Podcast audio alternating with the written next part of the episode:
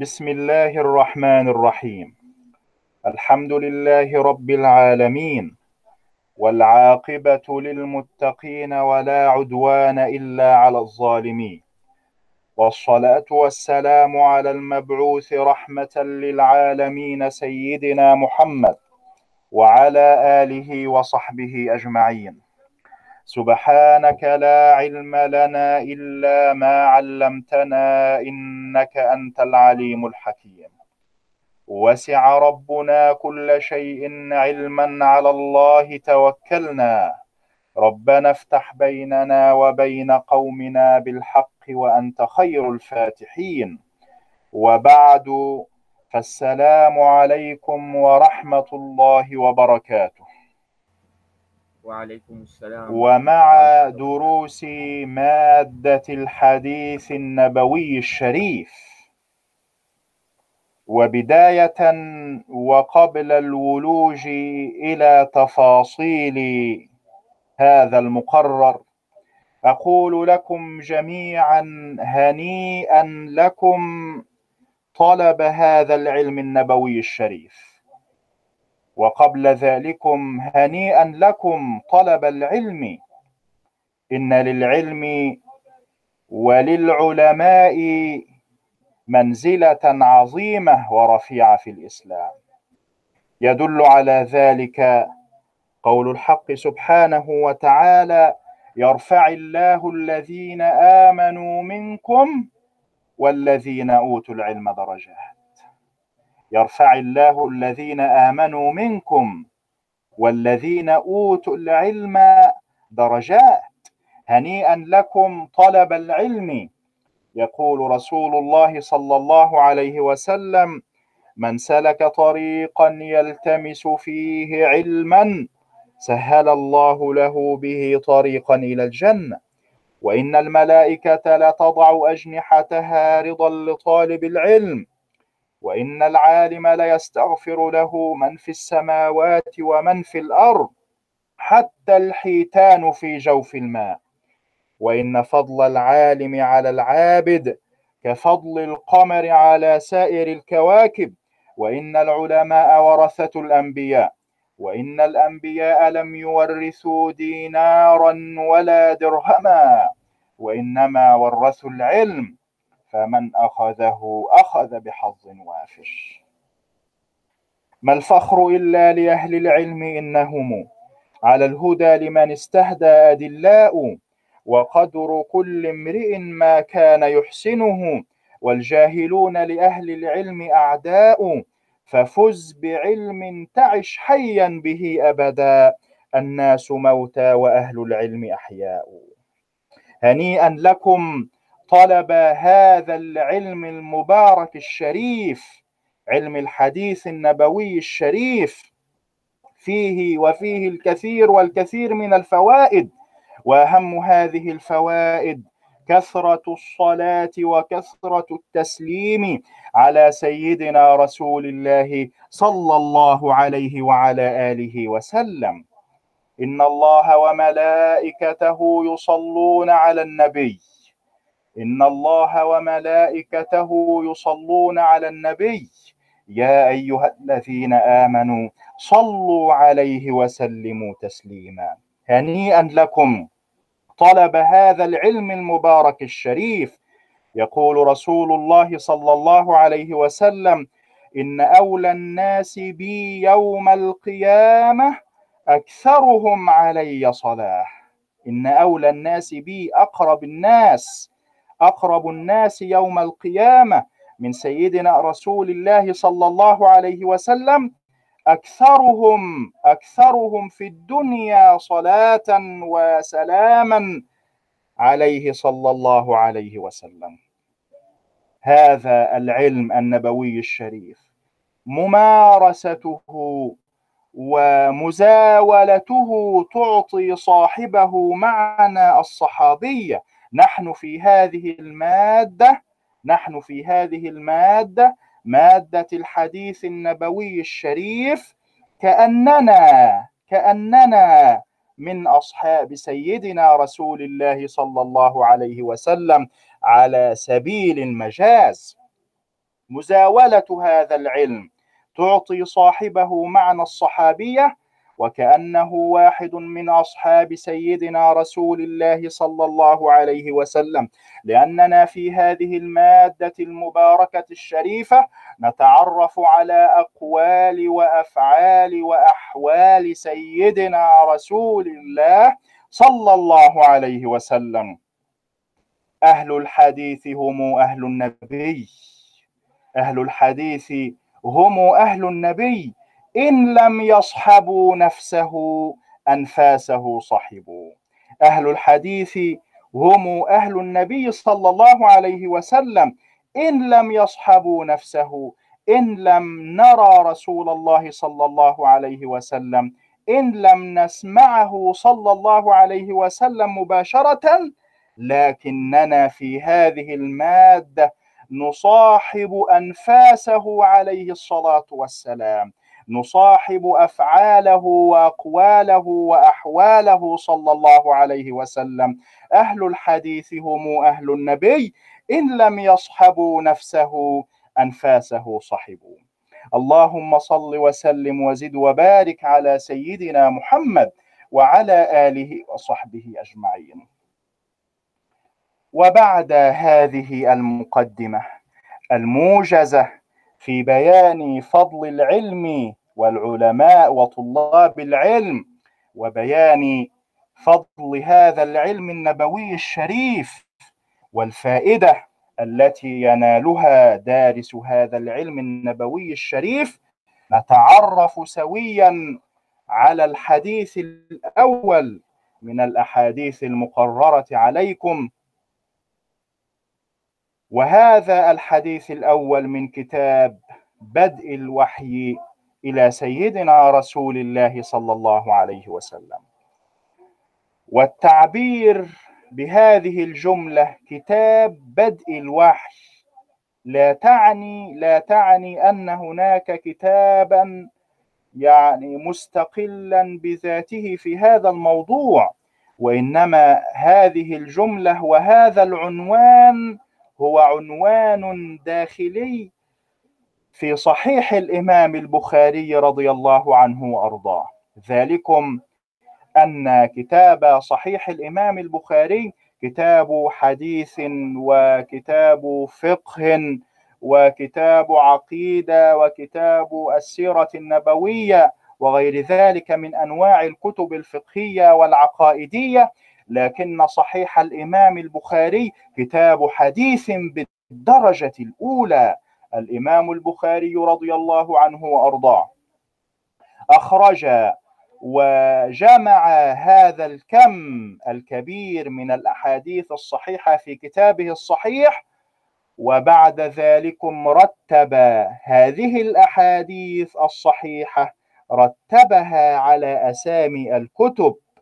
فأول كتاب في صحيح الإمام البخاري كتاب بدء الوحي إلى سيدنا رسول الله صلى الله عليه وسلم. وقد افتتح الإمام البخاري رضي الله عنه وأرضاه كتابه الصحيح بحديث الأعمال بالنيات بحديث الأعمال بالنيات. مشيرا مشيرا بذلك الافتتاح إلى التوجيه على الإخلاص إخلاص النية لله سبحانه وتعالى. وما أمروا إلا ليعبدوا الله مخلصين له الدين. أخرج الإمام البخاري رحمه الله تعالى بسنده عن سيدنا عمر بن الخطاب رضي الله عنه قال سمعت رسول الله صلى الله عليه وسلم يقول إنما الأعمال بالنيات وإنما لكل امرئ ما نوى. فمن كانت هجرته إلى دنيا يصيبها أو إلى امرأة ينكحها فهجرته إلى ما هاجر إليه. نص الحديث مرة ثانية. عن سيدنا عمر بن الخطاب رضي الله عنه قال سمعت رسول الله صلى الله عليه وسلم يقول إنما الأعمال بالنيات وإنما لكل امرئ ما نوى. فمن كانت هجرته إلى دنيا يصيبها أو إلى امرأة ينكحها فهجرته إلى ما هاجر إليه. هكذا افتتح الإمام البخاري رضي الله عنه كتابه الصحيح بهذا الحديث بهذا السياق بهذا السياق. إنما الأعمال بالنيات وإنما لكل امرئ ما نوى فمن كانت هجرته إلى دنيا يصيبها. مع العلم بأن هناك سياقا آخر لهذا الحديث وهو المشهور وهو الأتم وهو الأتم في الألفاظ وفي المتن والكلمات من هذا السياق. إنما الأعمال بالنيات وإنما لكل امرئ ما نوى. فمن كانت هجرته إلى الله ورسوله فهجرته إلى الله ورسوله.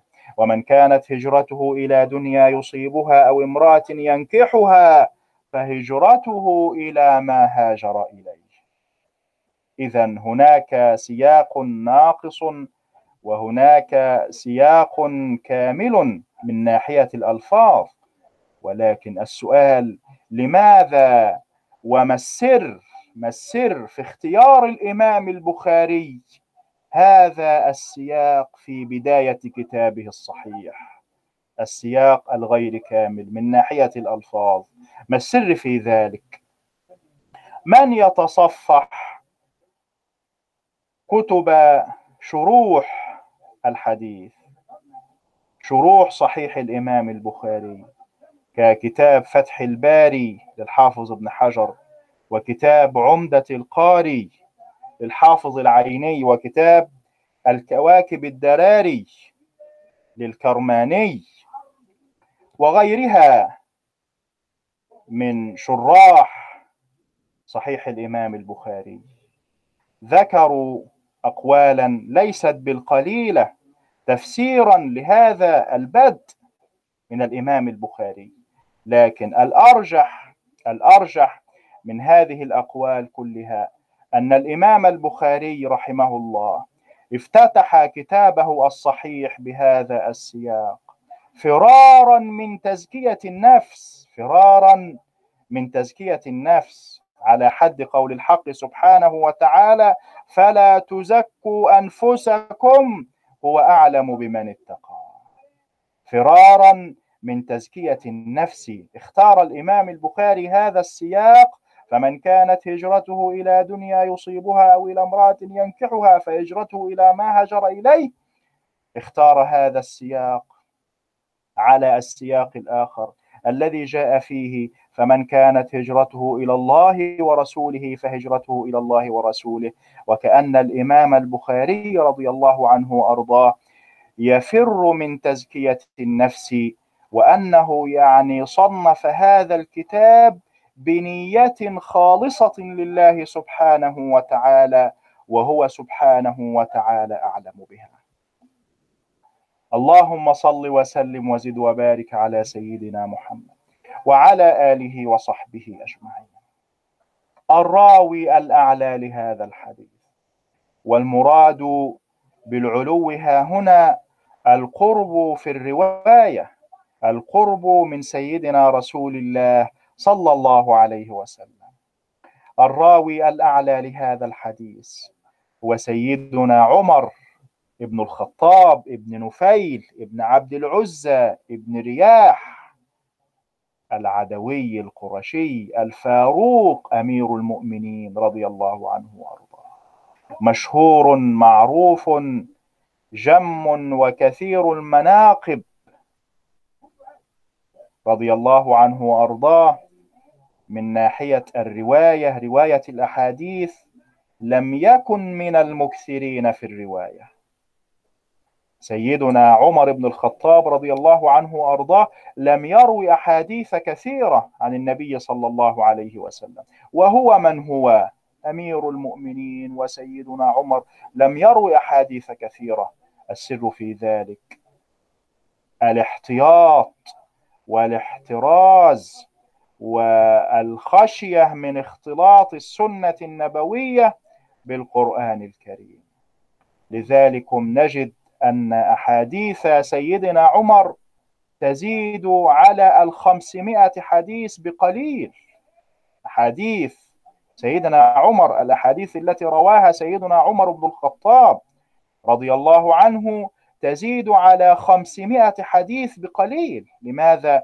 لأن منهج سيدنا عمر كان الإقلال والتقليل من الرواية خشية اختلاط السنة النبوية بالقرآن الكريم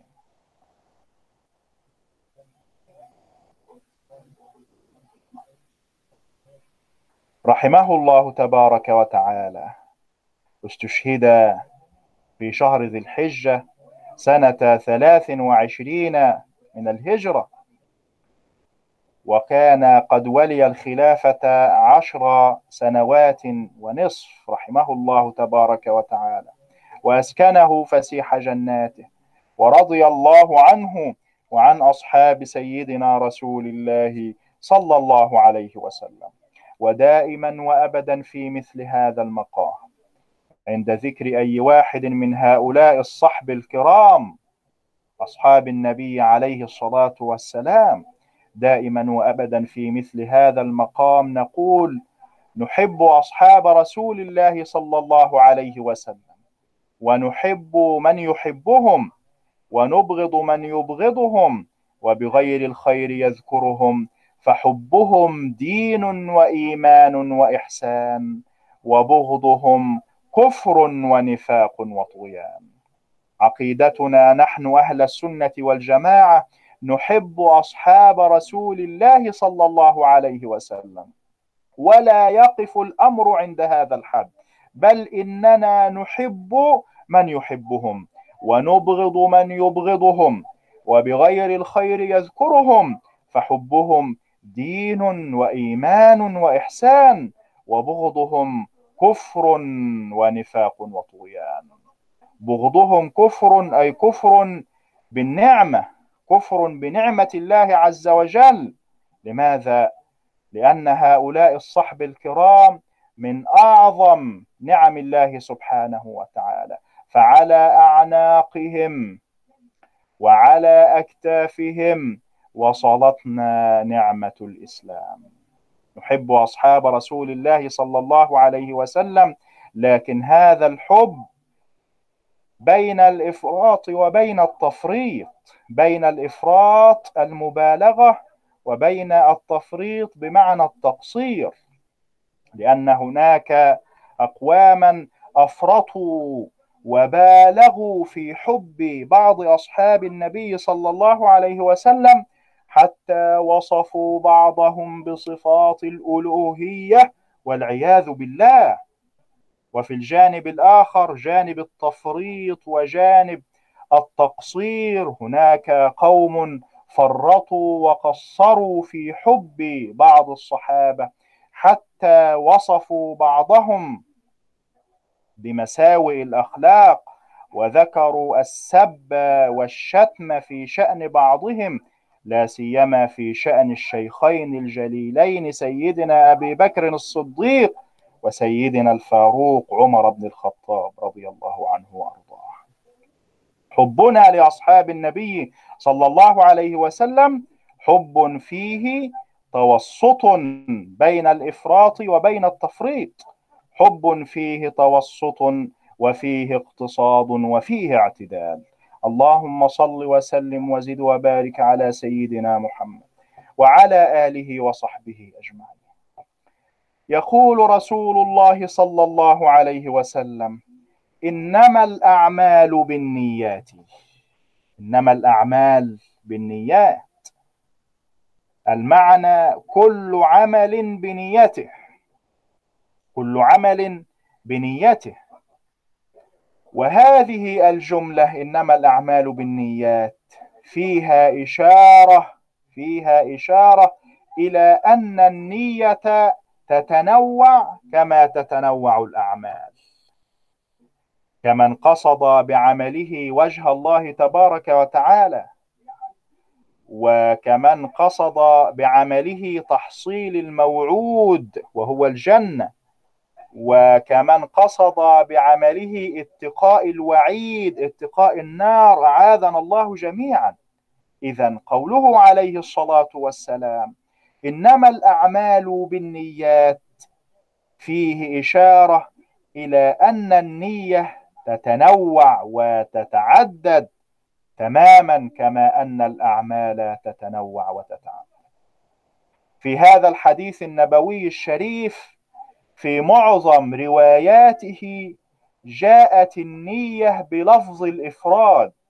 في معظم معظم الروايات معظم روايات هذا الحديث إنما الأعمال بالنية.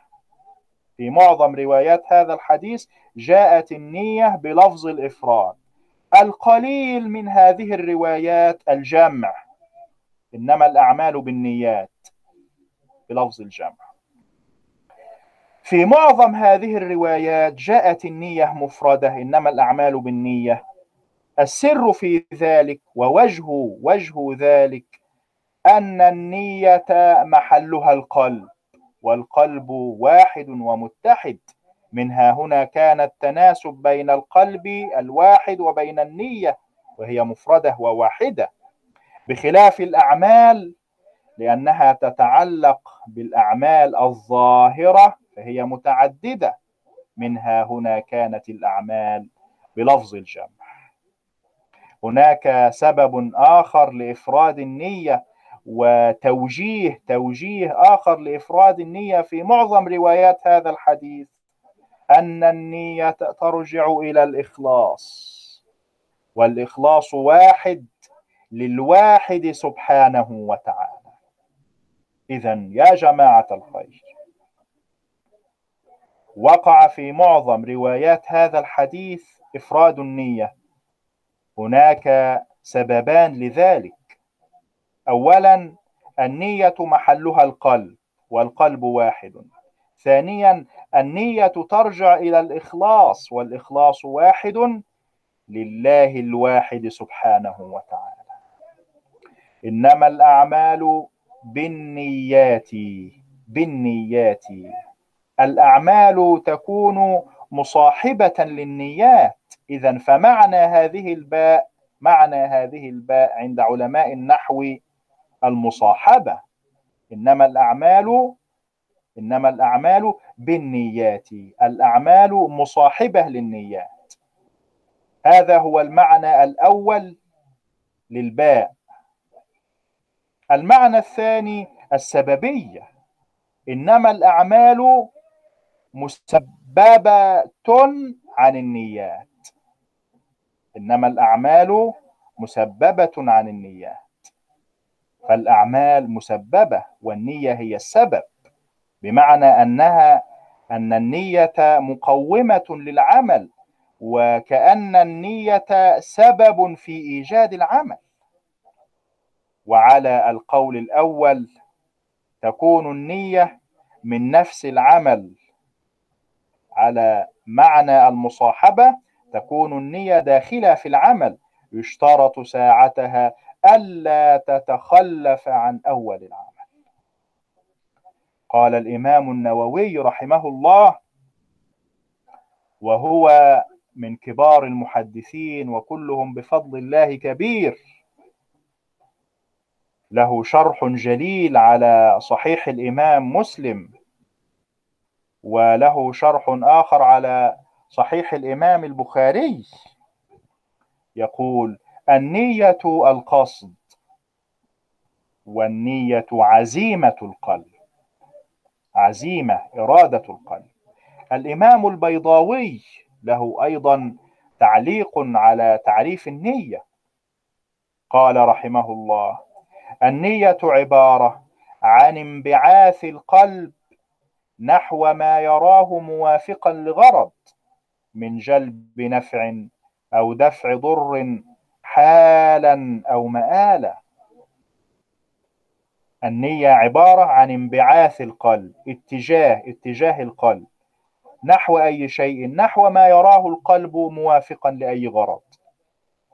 من جلب منفعة أو دفع ضرر في الوقت الحالي حالا أو مآلا في المستقبل. أما تعريف النية في الشرح هي الإرادة المتوجهة نحو الفعل ابتغاء رضا الله سبحانه وتعالى وامتثال حكمه وأمره سبحانه وتعالى. النية في الشرع خاصة بالإرادة المتوجهة نحو أي فعل من الأفعال من أجل ابتغاء رضا الله سبحانه وتعالى. إذا كنا قد تعرفنا على النية في اللغة العربية وأنها القصد وعرفنا أن النية في الشرع هي الإرادة المتوجهة نحو أي فعل ابتغاء رضا الله سبحانه وتعالى. يا ترى يا ترى النية في سياق هذا الحديث. إنما الأعمال بالنيات.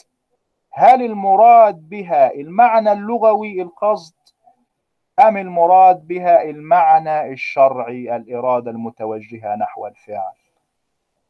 مرة ثانية. إنما الأعمال بالنيات.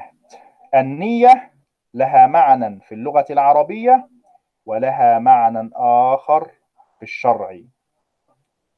يا ترى النية داخل هذا الحديث في سياق هذا الحديث هل يراد بها المعنى اللغوي أم يراد بها المعنى الشرعي؟ النية في هذا الحديث محمولة على المعنى اللغوي وهو المعنى الأوسع والأشمل القصد. أي قصد؟ أي قصد؟ هناك من يقصد فعل الخير وهناك من يقصد وينوي فعل الشر. إذا فالمعنى فالمعنى اللغوي أوسع وأشمل.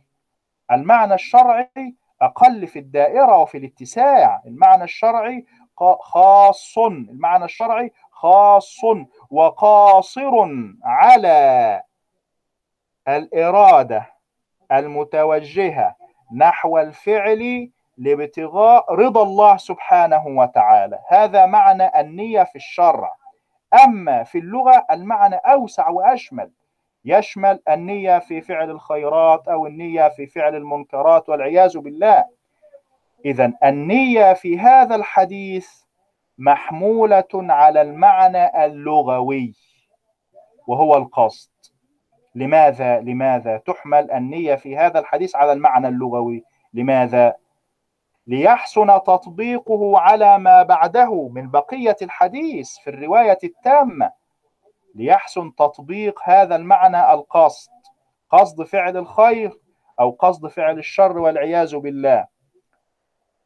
إنما الأعمال بالنيات وإنما لكل امرئ ما نوى. فمن كانت هجرته إلى الله ورسوله فهجرته إلى الله ورسوله. هذا قصد فعل الخير.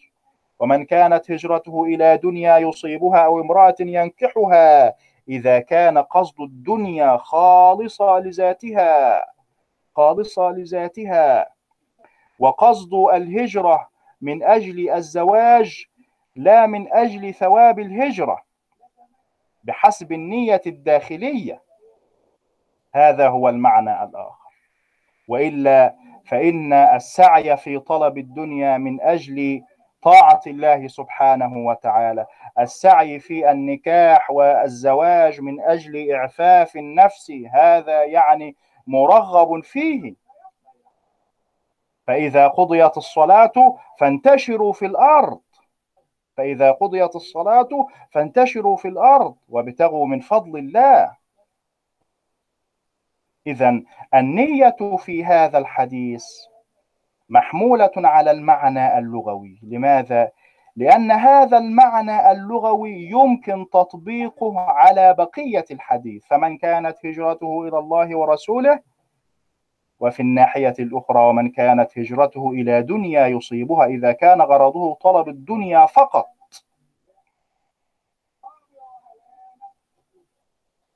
هذا الحديث النبوي الشريف متروك الظاهر. لأن الذوات غير منتفية. التقدير لا عمل إلا بالنية. لا عمل إلا إنما الأعمال بالنيات. ما التقدير في الظاهر؟ لا عمل إلا بالنية. لكن أحيانا يوجد العمل ولا توجد النية. هذا وارد وواقع وممكن. أن يوجد العمل ولا توجد النية عند صاحب العمل. منها هنا كان هذا الظاهر متروك. قد يوجد العمل وله نية وأحيانا يوجد العمل ولا نية لصاحبه. منها هنا يكون التقدير نفي أحكام النية. نفي أحكام النية. كالصحة والكمال. إنما الأعمال إنما الأعمال تصح بالنيات. إنما الأعمال تكمل تكمل بالنيات. إنما الأعمال تكون بالنيات. إنما الأعمال تعتبر بالنيات. احتمالات كثيرة وتقديرات كثيرة لكن الحمل على نفي الصحة هو الأولى وهو الأرجح. إنما الأعمال تصح بالنيات الصحيحة. لأنه أشبه بنفي الشيء نفسه ولأن اللفظ دل على نفي الذات بالتصريح. إنما الأعمال بالنيات يفهم من ذلك لا عمل إلا بالنية. وبعد ذلك تنفى الصفات بطريق التبعية وبطريق غير مباشر كنفي الصحة ونفي الكمال والكينون. فلما منع الدليل نفي الذات بقيت دلالته على نفي الصفات باقية ومستمرة إنما الأعمال بالنيات التقدير خلاصة القول في هذه الجزئية في تقدير المحذوف في قوله عليه الصلاة والسلام إنما الأعمال بالنيات إنما الأعمال كائنة بالنيات. إنما الأعمال معتبرة بالنيات إنما الأعمال صحيحة بالنيات إنما الأعمال كاملة بالنيات. لكن الأولى والأرجح الحمل على الصحة إنما الأعمال تصح بالنيات الصحيحة. اللهم صل وسلم. وزد وبارك على سيدنا محمد وعلى آله وصحبه أجمعين. هناك اختلاف بين الفقهاء. هل هي ركن أو شرط. هل النية ركن أو شرط؟ الراجح أن إيجاد النية ذكرا في أول العمل ركن. إيجاد النية في أول العمل في بداية العمل ركن. واستصحاب النية مع بقية العمل شرط. استصحابها حكما بمعنى ألا يأتي بمناف شرعا شرط على سبيل المثال بالنسبة للوضوء إيجاد النية في أول العمل عند البعض ركن ولكن أن تستصحب أن تستصحب أن تستصحب هذه النية بمعنى عدم الإتيان بأي ناقض من نواقض الوضوء. ما خرج من السبيلين والنوم على غير هيئة المتمكن ولمس الرجل للمرأة الأجنبية من غير حائل وغير ذلك من بقية نواقض الوضوء. الاستمرار على عدم الإتيان بأي ناقض من نواقض الوضوء هو استصحاب النية وهذا شرط لصحة الوضوء ولصحة العمل. إنما الأعمال بالنيات. وإنما لكل امرئ ما نوى. وإنما لكل امرئ ما نوى. هل هناك فائدة من هذه الجملة الثانية؟ في بداية الحديث إنما الأعمال بالنيات. كل عمل بنيته كل عمل بنيته هذه الجملة الثانية. وإنما لكل امرئ ما نوى. لكل إنسان ما نواه. هل هناك فائدة في هذه الجملة الثانية؟ قيل بأن هذه الجملة الثانية معناها هو معنى الجملة الأولى التأكيد التأكيد على أن الأعمال الصحيحة إنما تصح وتكون صحيحة بالنيات السليمة الصحيحة. وهناك رأي آخر بأن هذه الجملة الثانية فيها زيادة وفيها بعض الفوائد من هذه الفوائد في الجملة الثانية. تعيين المنوي شرط. تعيين الفعل المنوي شرط وإنما لكل امرئ ما نوى. شرط. فلو كان على إنسان صلاة مقضية فائتة مثلا لا يكفيه أن ينوي الصلاة فائتة عند بعض الفقهاء بل يشترط أن ينوي يعني كونها ظهرا أو كونها عصرا أو مغربا أو غير ذلك. لولا اللفظ الثاني لاقتضى الأول صحة النية بلا تعيين. لولا هذه الجملة الثانية اللفظ الثاني وإنما لكل امرئ ما نوى لو لم يوجد هذا اللفظ لاقتضى الأول صحة النية بلا تعيين أو أوهم ذلك. هذه واحدة وهذه فائدة. هناك فائدة أخرى نص عليها الإمام ابن عبد السلام رحمه الله فقال الجملة الأولى أي إنما الأعمال بالنيات لبيان ما يعتبر من الأعمال. ما يعتبر يعني ما يصح من الأعمال. وأما الجملة الثانية لبيان ما يترتب عليها لبيان الثمرة لبيان النتيجة. لأن كانت الجملة الأولى لبيان ما يصح ما يصح من الأعمال إنما الأعمال بالنيات. الأعمال تكون صحيحة ومثابا عليها بالنيات السليمة الصحيحة. لأن كان هذا هو معنى الجملة الأولى فإن معنى الجملة الثانية الثمرة والنتيجة وأن كل إنسان يحاسب ويجازى ويثاب بقدر نيته وإنما لكل امرئ ما نوى. أيضا أفاد أن النية إنما تشترط في العبادة التي لا تتميز بنفسها. أما ما يتميز بنفسه فإنه ينصرف بصورته إلى ما وضع له كالأذكار يتميز بنفسه. لكن في الصلاة الرباعية هل هي صلاة الظهر أم العصر أم صلاة العشاء؟ وهكذا. أما بالنسبة للأذكار وللأدعية ولتلاوة القرآن الكريم يتميز بنفسه وواضح ومعروف ولا تردد بين العبادة والعادة لا تتردد بين العبادة وبينها. إنما الأعمال بالنيات وإنما لكل امرئ ما نوى فمن كانت هجرته إلى الله ورسوله فهجرته إلى الله ورسوله. ثوابا ثوابا. وأعاد جواب الشرط بنفس فعل الشرط من أجل قصد التبرك والالتذاذ بذكر الله سبحانه وتعالى وبذكر رسوله صلى الله عليه وسلم. الأصل في اللغة العربية أن يكون جواب الشرط يعني مغايرا لفعل الشرط. إن تذاكر الجواب تنجح. لا يقال إن تذاكر تذاكر إلا في القليل. إن تذاكر تذاكر. الأصل إن تذاكر تنجح. كذلكم الحال ها هنا. فمن كانت هجرته إلى الله ورسوله أين جواب الشرط؟ فهجرته إلى الله ورسوله أي من ناحية الثواب ومن أجل التبرك بذكر اسم الله سبحانه وتعالى وذكر اسم رسوله صلى الله عليه وسلم وحثا وتشجيعا على الإخلاص لله سبحانه وتعالى. ومن كانت هجرته لدنيا يصيبها أو امرأة ينكحها. الهجرة في اللغة العربية هي الترك. الترك. الهجرة إلى الشيء الانتقال إليه عن غيره.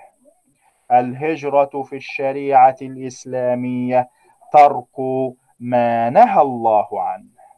وقعت الهجرة في الإسلام على وجهين. الأول الانتقال من دار الخوف إلى دار الأمن في بداية الإسلام. كما كان الحال في الهجرة الأولى إلى الحبشة والهجرة الثانية إلى بلاد الحبشة. وكذلكم الحال في بداية الهجرة. بداية الهجرة في أوائل الهجرة من مكة المكرمة إلى المدينة المنورة. الوجه الثاني للهجرة. الهجرة من دار الكفر إلى دار الإيمان.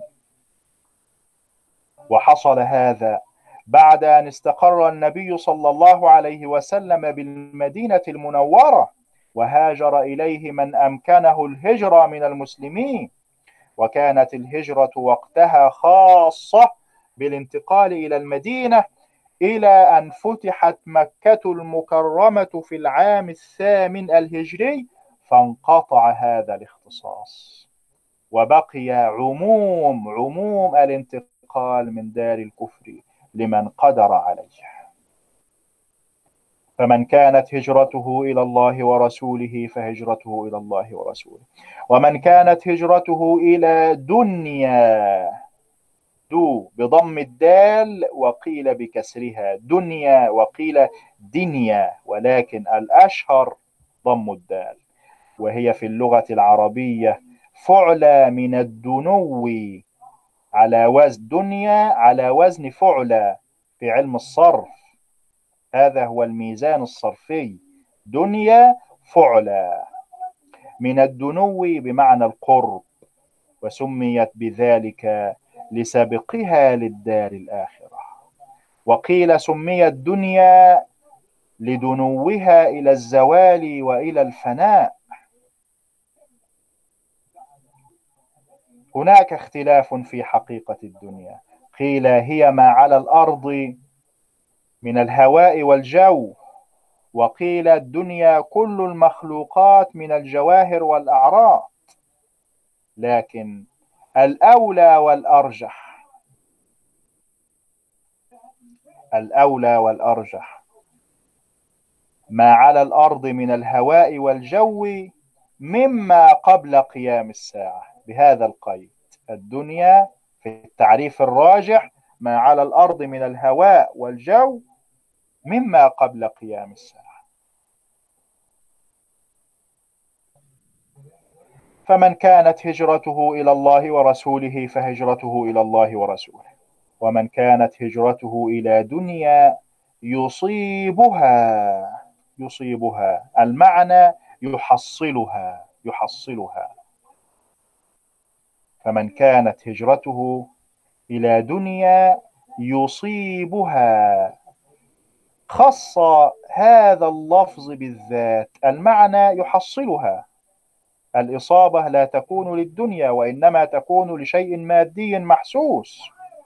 ولكن خص هذا التعبير بالذات لأن تحصيل الدنيا كإصابة الغرض بالسهم. كإصابة الغرض بالسهم حينما ينطلق السهم من القوس ووجه الشبه حصول المقصود في قل وكأن طالب الدنيا لا يحصلها فقط وإنما يريد الإصابة إصابة الدنيا من شدة حرصه عليها ومن شدة نهمه على الدنيا. منها هنا عبر سيدنا رسول الله صلى الله عليه وسلم بلفظ الإصابة بلفظ الإصابة ليشير إلى شدة حرص طالب الدنيا. أو امرأة ينكحها. قيل التنصيص على ذكر المرأة من قبيل ذكر الخاص بعد العام الخاص المرأة. العام الدنيا. السر في ذلك الاهتمام بشأن المرأة الاهتمام بشأن المرأة ونكتة الاهتمام ها هنا السر في هذا الاهتمام الزيادة في التحذير لأن الافتتان بها يعني يكون أشد. قيل السبب في تخصيص المرأة بالذكر أن العرب كانوا لا يزوجون المولى العربية. العبد العربية كانوا يراعون الكفاءة في النسب. فلما جاء الإسلام سوى بين المسلمين في مناكحتهم. منها هنا هاجر كثير من الناس إلى المدينة المنورة ليتزوج بها بالمدينة من كان لا يصل إليها قبل ذلك. فمن كانت هجرته إلى الله ورسوله فهجرته إلى الله ورسوله. ومن كانت هجرته لدنيا يصيبها أو امرأة ينكحها فهجرته إلى ما هاجر إليه. ألا تلاحظون الفرق بين الجوابين؟ جواب الشرط الأول في الجملة الأولى وجواب الشرط الثاني في الجملة الثانية. ألا تلاحظون الفرق بينهما؟ فمن كانت هجرته إلى الله ورسوله أين جواب الشرط؟ فهجرته إلى الله ورسوله. الجملة الثانية ومن كانت هجرته إلى دنيا يصيبها أو امرأة ينكعها فهجرته إلى دنيا أو إلى امرأة؟ لا. قال أيوة فهجرته إلى ما هاجر إليه. إذا. جواب الشرط في الجملة الأولى ظاهر ظاهر. جواب الشرط في الجملة الثانية مضمر مضمر. ما السر في ذلك بالنسبة أيوة. للجملة الأولى أظهر ذكر الاستحسان في اسم الله الأولى. سبحانه وتعالى واسم رسوله صلى الله عليه وسلم كما تعرفنا منذ قليل من أجل الالتزاز والتبرك والحث على الإخلاص في العمل أما في هذه الجملة الثانية وفي هذا وفي جواب الشرط الثاني هذا لم يظهر لم يظهر في جواب الشرط الدنيا أو ذكر المرأة من أجل الحث على الإعراض عن عدم الإخلاص في العمل. فهجرته إلى ما هاجر إليه بمعنى الذم الذم لمن كان كل همه طلب الدنيا وعدم النظر إلى الآخرة. طلب الدنيا بكل ما فيها من يعني من أموال ومن يعني ذكر المرأة وغير ذلك. عدم إظهار عدم إظهار جواب الشر فهجرته إلى ما هاجر إليه. عدم الإظهار ها هنا فيه إشارة إلى الإعراض إلى الإعراض عن طلب الدنيا خالصة. هناك تفسير آخر. لعدم إظهار جواب الشرط ها هنا العموم والشمولية العموم والشمولية. فهجرته إلى ما هاجر إليه كائنا ما كان من أمور الدنيا كائنا ما كان. السياق ها هنا فيه إشعار بالحث على الإعراض عنهما إذا كان يعني طلب الدنيا بصورة شاملة وليس فيه مراعاة للدار الآخرة.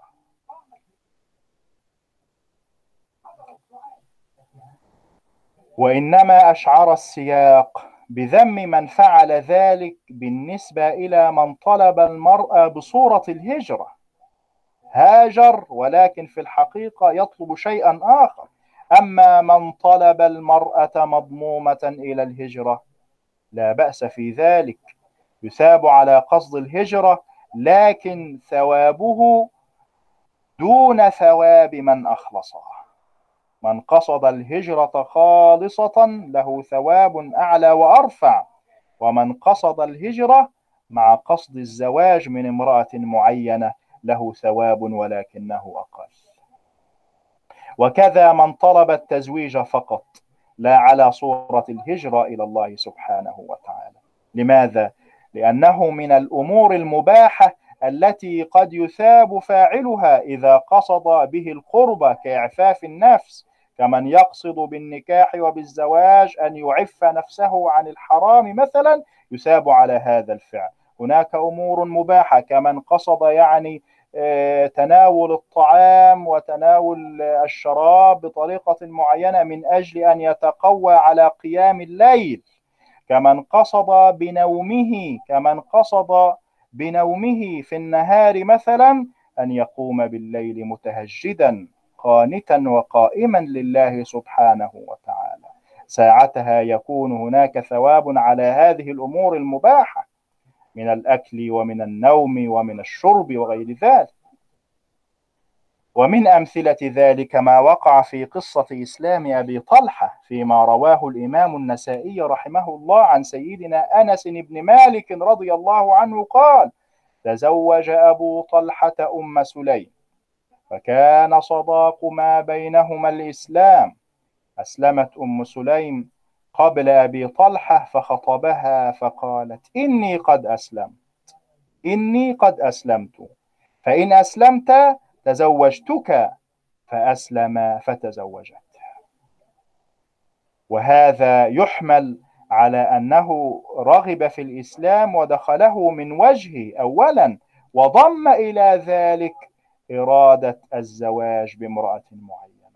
فصار كمن نوى بصومه العبادة والحمية كمن نوى بصومه أولا العبادة أولا. هذه النية الأولى. النية الثانية الحمية يعني تقوية الجسد ويعني تخليصه من آه، وزنه الزائد وغير ذلك.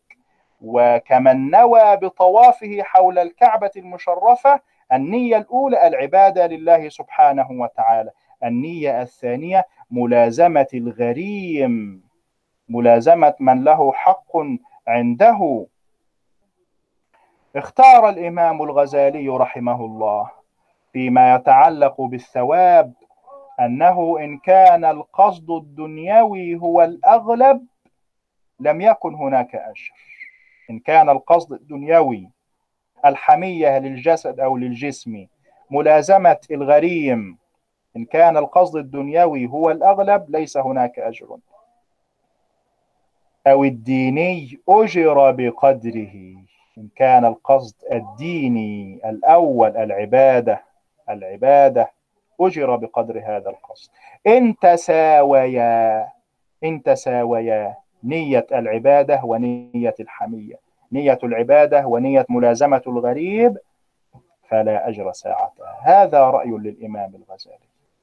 أما إذا نوى العبادة وخالطها بشيء مما يغاير الإخلاص في بداية العمل كانت النية خالصة وبعد ذلكم يعني غايرت هذه النية وتغيرت إلى شيء من الرياء والعياذ بالله. نقل الإمام أبو جعفر ابن جرير الطبري رحمه الله عن جمهور السلف أن الاعتبار بالابتداء العبرة بالبداية.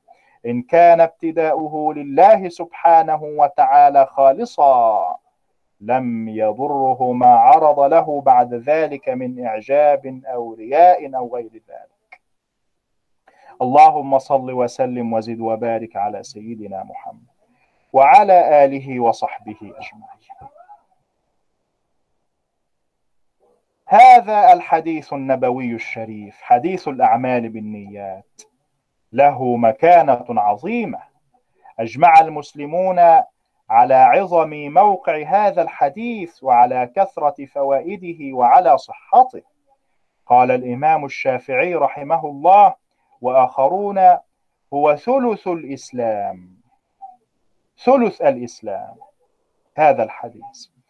وقال الإمام الشافعي رحمه الله في موضع آخر يدخل في سبعين بابا من الفقه. يدخل في سبعين بابا من الفقه. وقال آخرون هو ربع الإسلام ربع الإسلام.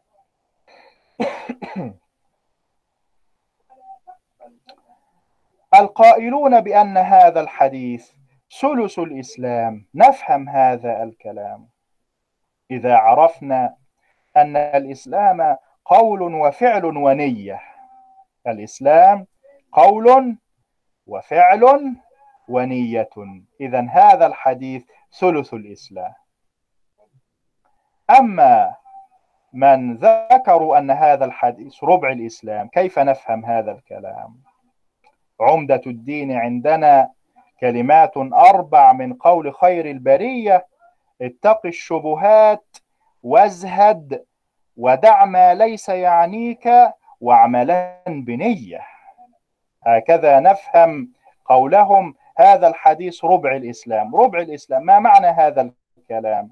أن يعني قواعد الإسلام من حديث النبي صلى الله عليه وسلم عمدة الدين عندنا كلمات أربع من قول خير البرية صلى الله عليه وسلم. اتق الشبهات. هذا هو الربع الأول. اتق الشبهات.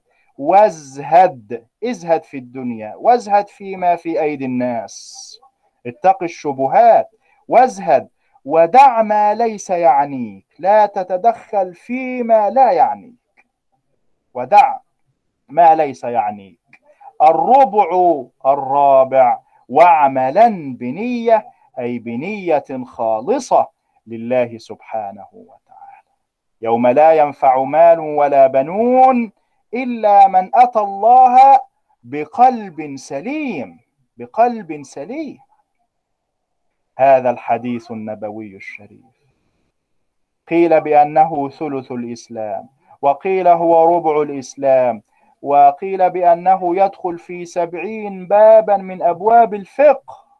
ومما يدل أيضا على عظيم مكانة هذا الحديث النبوي الشريف قول عدد كثير من أئمة المحدثين والفقهاء. وعلى رأسهم الحافظ الكبير أمير المؤمنين في الحديث من المتقدمين الإمام عبد الرحمن بن مهدي. قال وغيره. ينبغي لمن صنف كتابا أن يبدأ فيه بهذا الحديث. هذا الكلام من هذا الحافظ الكبير ابن مهدي ينبغي لمن صنف كتابا أن يبدأ فيه بهذا الحديث إن دل ذلك على شيء فإنما يدل على أهمية هذا الحديث. ينبغي لمن صنف كتابا أن يبدأ فيه بهذا الحديث تنبيها للطالب على تصحيح النية تنبيها للطالب على أن يصحح نيته بالإخلاص في جميع أقواله وأفعاله لله سبحانه وتعالى. بل إن الإمام الخطابي رحمه الله نقل هذا الكلام عن الأئمة مطلقا يعني عن جميع الأئمة. الإمام الخطابي أحد كبار المحدثين وله شرح على صحيح الإمام البخاري أعلام السنن وله شرح على سنن أبي داود معالم السنن.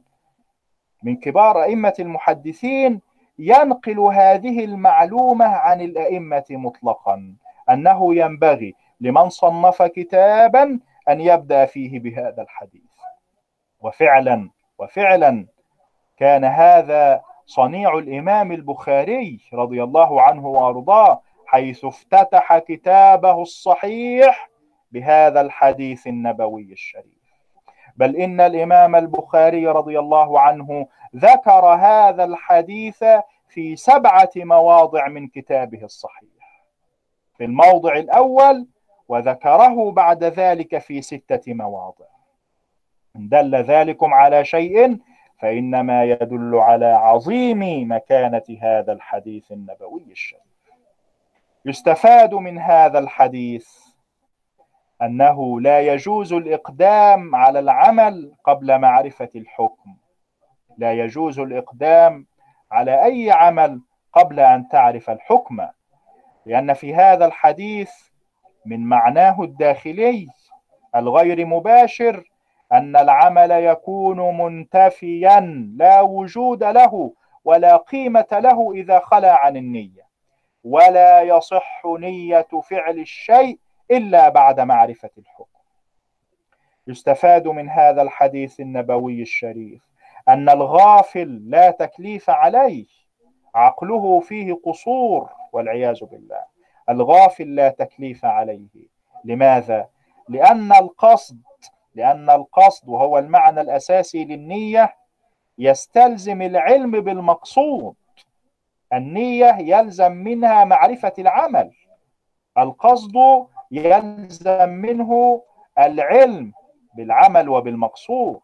والغافل أصلا غير قاصد لقصور عقله. منها هنا الغافل غير مكلف. يستفاد من هذا الحديث النبوي الشريف أن من صام تطوعا تطوعا بنية قبل الزوال قبل زوال الشمس عن كبد السماء قبل أذان الظهر بقليل لا يحسب له إلا من وقت النية. وهذا مقتضى الحديث.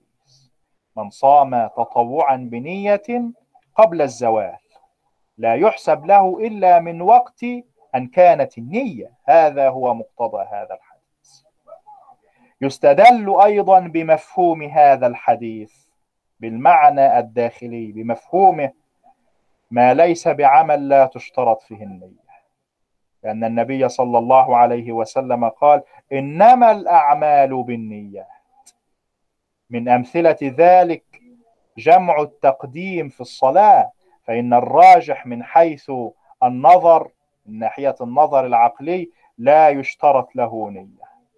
بخلاف ما رجحه كثير من فقهاء الشافعي ويقوي ذلك ويؤيده أن النبي صلى الله عليه وسلم جمع في غزوة تبوك في العام التاسع الهجري. لم يذكر للمأمومين هذا الأمر. لو كان شرطا لأعلمهم به. هذا رأي لبعضهم. يستدل أيضا بهذا الحديث أن العمل إذا كان مضافا إلى سبب ويجمع متعدده جنس نية الجنس تكفي. على سبيل المثال من أعتق عن كفارة. أي كفارة؟ لم يعين. لم يعين هذه الكفارة. كفارة يمين أم كفارة ظهار أم كفارة كذا وكذا. لأن معنى الحديث أن الأعمال بنياتها. العمل هنا القيام بالذي يعني يخرج عن الكفارة اللازمة وليس هناك يعني إلزام بتعيين السبب ليس هناك إلزام بتعيين سبب هذه الكفارة. هل هي كفارة يعني ظهار هل هي كفارة إفطار؟ هل هي كفارة يمين أو غير ذلك؟ وعلى هذا لو كانت عليه كفارة وشك في سببها نسي سبب هذه الكف ماذا فعل؟ أجزأه إخراج الكفارة بغير تعيين. إنما الأعمال بالنيات. في هذا الحديث النبوي الشريف زيادة النص على السبب قاعدة أصولية وأيضا لها ذكر في مادة علوم القرآن الكريم. زيادة النص على السبب. لأن الحديث سيق في قصة المهاجر في قصة رجل معين. هاجر ليتزوج امرأة معينة. لكن في هذا الحديث ليس فيه اقتصار على هذا السبب. فيه زيادة فيه زيادة. زيادة النص على السبب الأساسي. هذه الزيادة في هذا الحديث الذي معنا. فمن كانت هجرته إلى الله ورسوله فهجرته إلى الله ورسوله. ومن كانت هجرته إلى دنيا إذا هذه الأمور كلها هي الزيادة في هذا النص على السبب الأساسي. اللهم صل وسلم وزد وبارك على سيدنا محمد وعلى آله وصحبه أجمعين. يستفاد أيضا من هذا الحديث أن الأعمال لا تصح ولا تقبل إلا بالنية إنما الأعمال بالنيات. فيه أيضا أن كل إنسان سيجازى وسيحاسب على عمله بقدر نيته فيه. بقدر نيته فيه. يستفاد من هذا الحديث النبوي الشريف. إطلاق العام وإن كان سببه خاصا. إطلاق العام كلام عام في هذا الحديث والسبب الأساسي معروف أن رجلا هاجر ليتزوج امرأة معينة. يستنبط من ذلك الإشارة إلى أن العبرة بعموم اللفظ لا بخصوص السبب. العبرة بعموم اللفظ الزانية والزاني فاجلدوا كل واحد منهما مئة جلدة. نزلت في واقعة معينة ولكن العبرة بعموم اللفظ يبقى الحكم باقيا والسارق والسارقة فاقطعوا أيديهما جزاء بما كسبا نكالا من الله عامة وباقية والعبرة فيها بعموم اللفظ ليست خاصة على واقعة معينة. كذلكم الحال ها هنا. هاجر رجل معين ليتزوج امرأة معينة لكن إنما الأعمال بالنيات. العبرة بعموم اللفظ لا بخصوص السبب. يستفاد من هذا الحديث النبوي الشريف الحث على الإخلاص لله سبحانه وتعالى في الأقوال وفي الأفعال وفي جميع الأعمال. وما أمروا إلا ليعبدوا الله مخلصين له الدين. اللهم صل وسلم وزد وبارك على سيدنا محمد وعلى آله وصحبه أجمعين إلى غير ذلكم مما يستفاد من دراسة هذا الحديث النبوي الشريف هل هناك أي أسئلة؟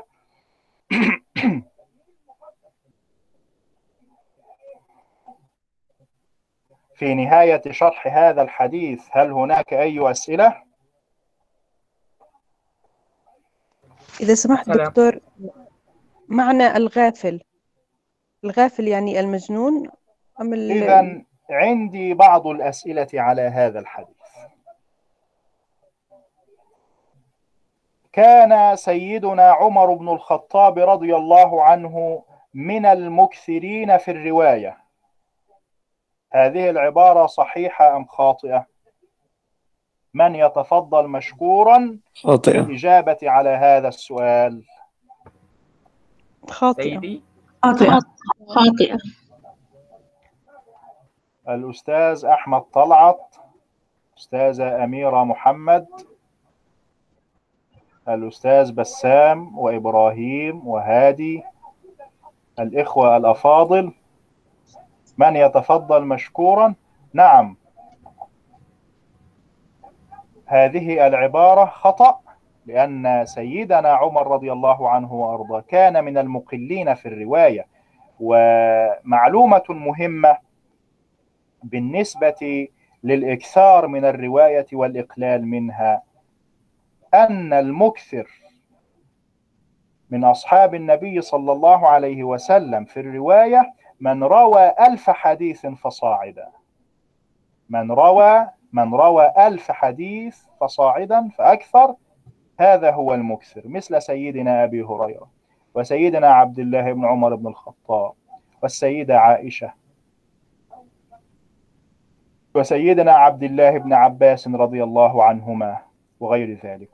من روى أقل من روى أقل من ألف حديث فهو مقل في الرواية كسيدنا الفاروق عمر بن الخطاب رضي الله عنه وأرضاه.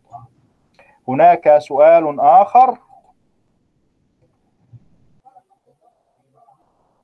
وقع في معظم روايات هذا الحديث إفراد النية هذه العبارة صحيحة أم خطأ وقع في معظم روايات هذا الحديث إفراد النية هل هذا الكلام صحيح؟ هل لفظ النية في صحيح. معظم الروايات جاء بصيغة الإفراد؟ نعم جاء في صحيح. نعم. نعم صحيح. يا دكتور العبارة صحيحة. فعلا وقع أحسنتم أحسنتم.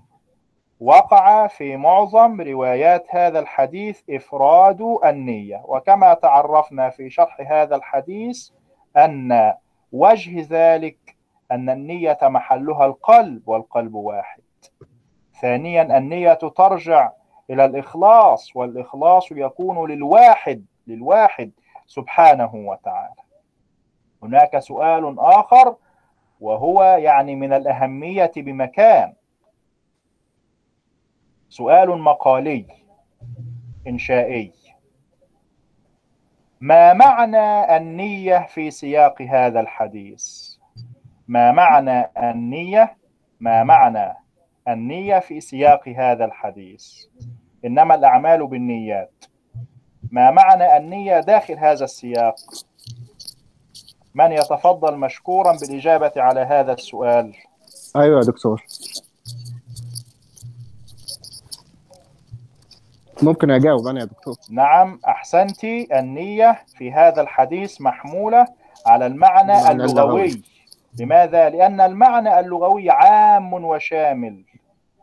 ليحسن تطبيق الكلام بداية الحديث على نهايته. من قصد بعمله الخير ومن قصد بعمله غير ذلك. أحسنتم. الأستاذ محمد ماهر يقول عندي سؤال. ماذا عمن جمع في عمل في عمل ما أكثر من نية؟ طمعا بالأجر عن كل هذه النوايا مجتمعة. فضل الله سبحانه وتعالى واسع ولا نضيق واسعا. من جمع في عمل واحد أكثر من نية أكثر من نية يعني تقصد نية صالحة في عمل واحد يعني نوى ب يعني بصدقته نوى بصدقته صلة الرحم للأقارب مثلا. هناك نيات متعددة. فضل الله سبحانه وتعالى واسع. هناك سؤال آخر من الأخت هند. ما المقصود بالغافل الذي لا تكليف عليه؟ هل هو الذي لا عقل له؟ نعم عقله فيه قصور لا يعرف الأعمال ولا يعرف ولا نية له أصلا وهو غير مكلف. هل هناك أي أسئلة أخرى؟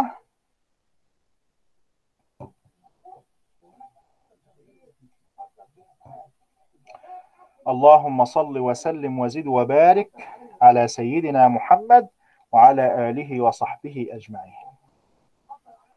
يعني هذا التلفظ بالنية هذا عند بعض يعني متأخري فقهاء الشافعية ولكل وجهته وحجته.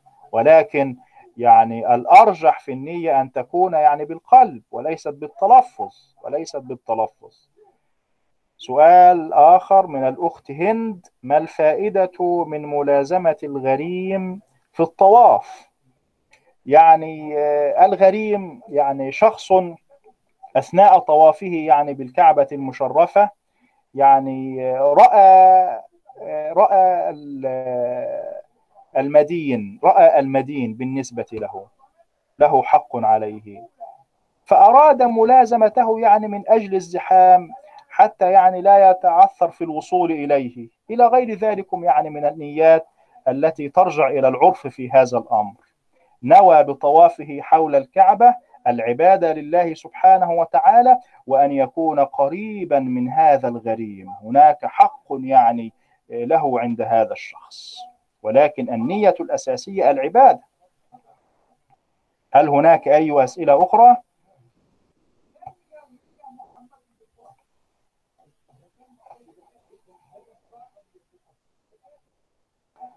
فهجرته إلى ما هاجر إليه. هناك يعني رأي للإمام الغزالي وهناك رأي للإمام الطبري.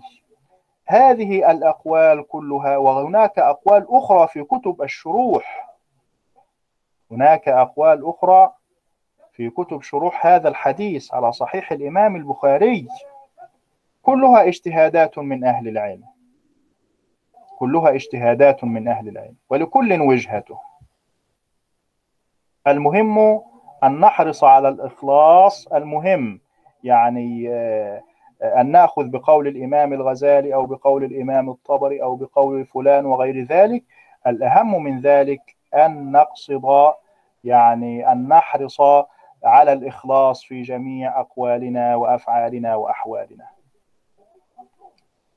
نعم الأستاذ هشام كمال يسأل عن المنهج الدراسي لهذا الترم.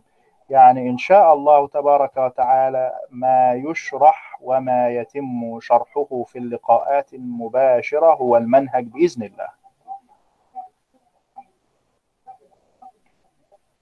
وخيرا جزاكم إن شاء الله. هل هناك أي أسئلة أخرى؟ اللهم صل وسلم وزد وبارك على سيدنا محمد وعلى آله وصحبه أجمعين.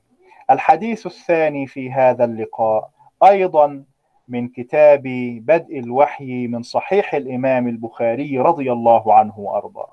وخيرا جزاكم وبارك الله فيكم جميعا إن شاء الله. عن أم المؤمنين السيدة عائشة رضي الله عنها أن الحارث بن هشام رضي الله عنه سأل رسول الله صلى الله عليه وسلم فقال يا رسول الله كيف يأتيك الوحي؟ فقال رسول الله صلى الله عليه وسلم أحيانا يأتيني مثل صلصلة الجرس وهو أشده علي فيفصم عني وقد وعيت عنه ما قال وأحيانا يتمثل لي الملك رجلا فيكلمني فأعي ما يقول. قالت السيدة عائشة رضي الله عنها ولقد رأيته ينزل عليه الوحي في اليوم الشديد البرد فيفصم عنه وإن جبينه ليتفصد عرقا. بأبي هو وأمي صلى الله عليه وسلم. من الأهمية بمكان ونحن في اللقاء الأول وفي المحاضرة الأولى في هذه المادة أن نعرف جميعا أن نص الحديث مطلوب منا أن نحفظه. نص الحديث مطلوب منا أن نحفظ نصوص الأحاديث التي تشرح إن شاء الله تبارك وتعالى. لا يخلو امتحان في هذه المادة من جزئية في السؤال المقالي أكمل الحديث أكمل نص الحديث. من يعني أكمل الحديث ومن يذكره بألفاظه وبحروفه وهكذا له درجته وإلا من لم يتيسر له أن يحفظ الحديث بألفاظه؟ هناك قاعدة مشهورة ومعروفة عند جمهور المحدثين ألا وهي جواز رواية الحديث بالمعنى. من لم يتيسر له أن يحفظ الحديث بحروفه وبشكلاته وألفاظه وهو هو تجوز رواية الحديث بالمعنى. نعم تجوز رواية الحديث بمعناه. بضوابط وشروط لعل أهمها أن تذكر ألفاظا تكون مؤدية للمعنى المراد. أن تذكر ألفاظا تكون مؤدية للمعنى المراد من هذا الحديث. وطبعا تكون درجته أقل درجته أقل ممن يذكر الحديث بألفاظه وهو هو.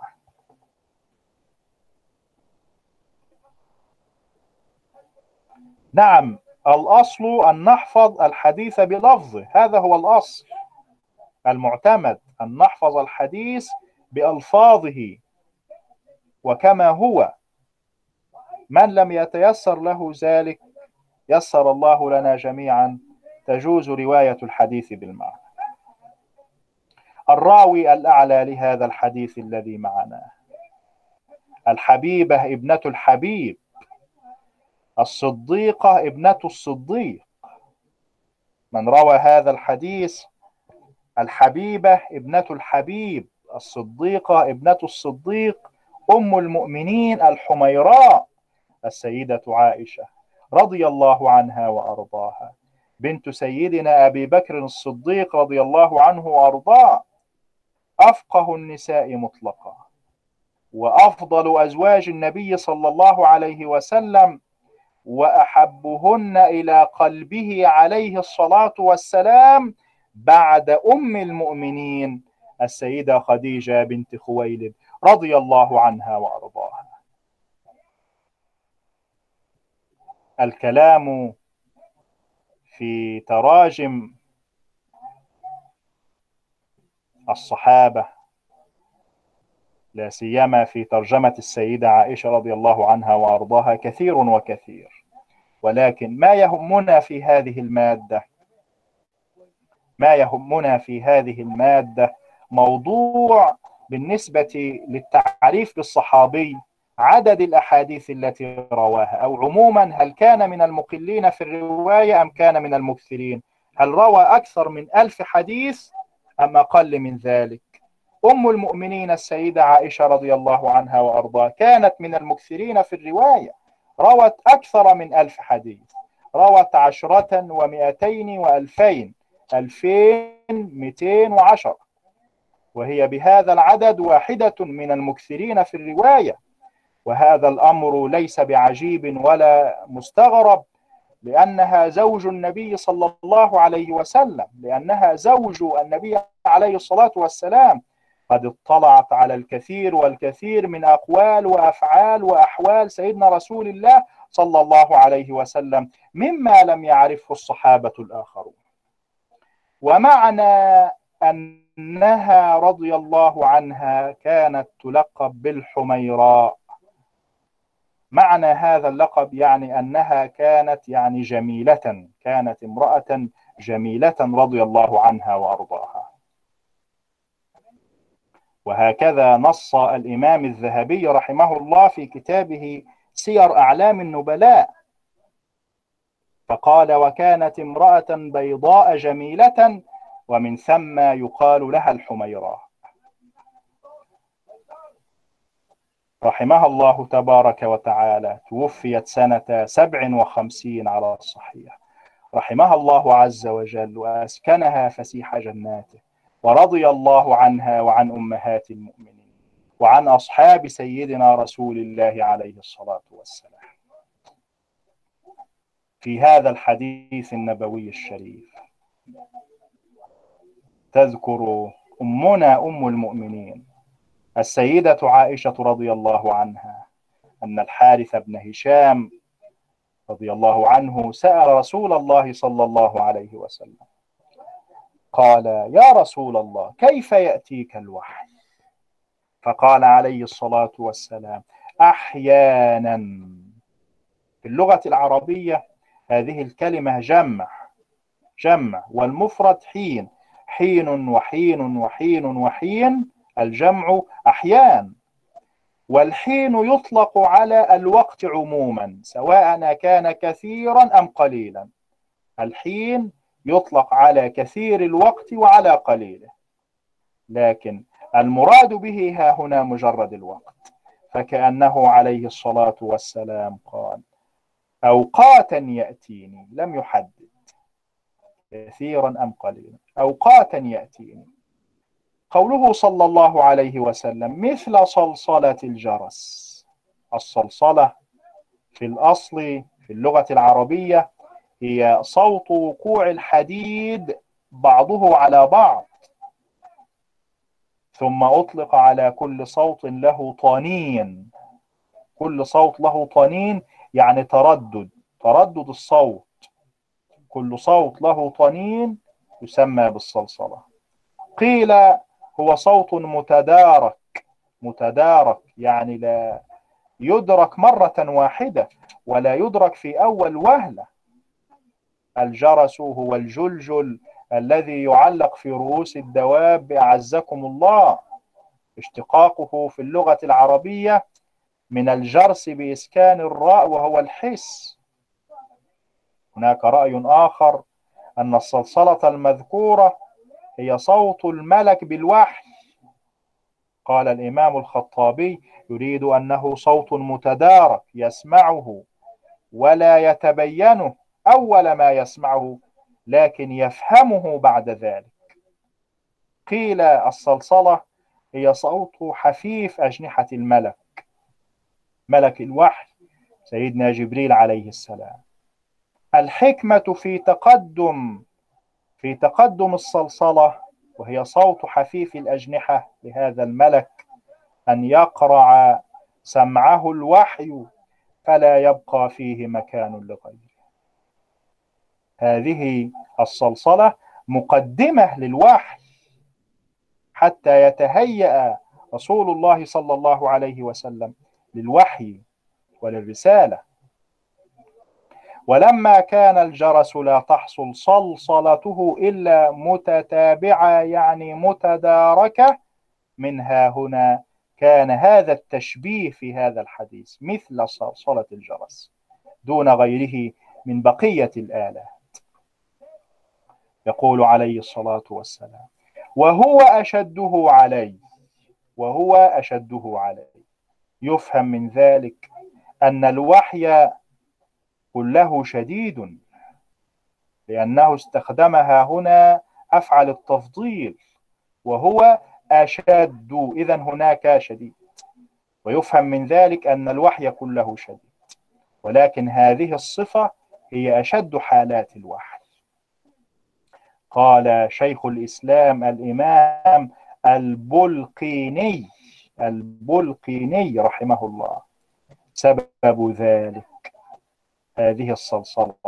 أن الكلام العظيم له مقدمات تؤذن بتعظيمه الاهتمام به.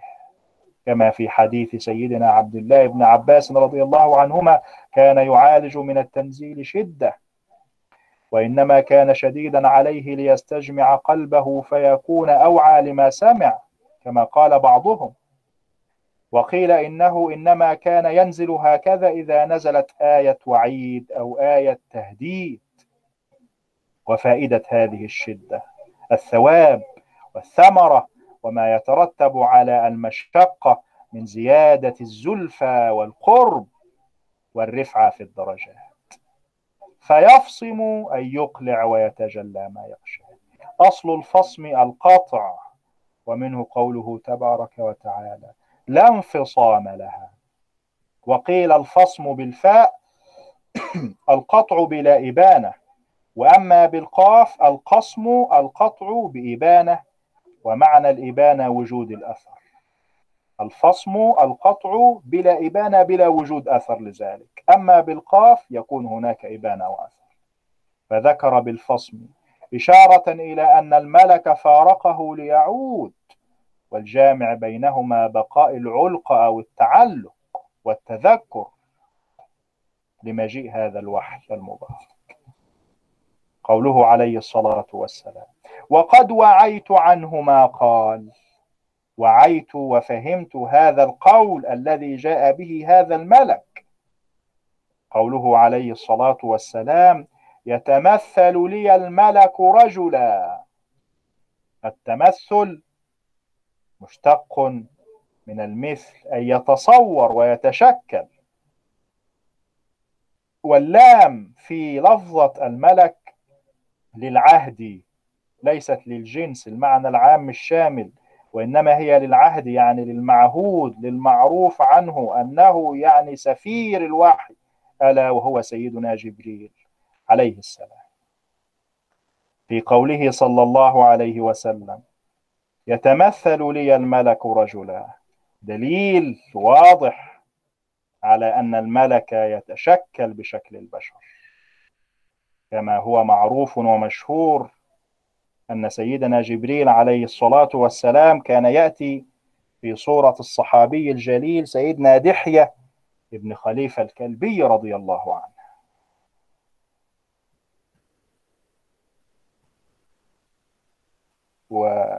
وإن شاء الله تبارك وتعالى نكمل بقية شرح هذا الحديث في اللقاء القادم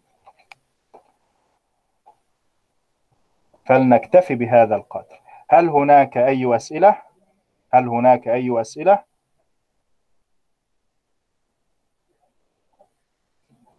هل هناك أي أسئلة؟ في نهاية هذا اللقاء أشكر لكم جميعا حسن الاستماع. وفقكم الله. هذا وبالله التوفيق. وصل اللهم على سيدنا محمد وعلى آله وصحبه وسلم. والسلام عليكم ورحمة الله وبركاته.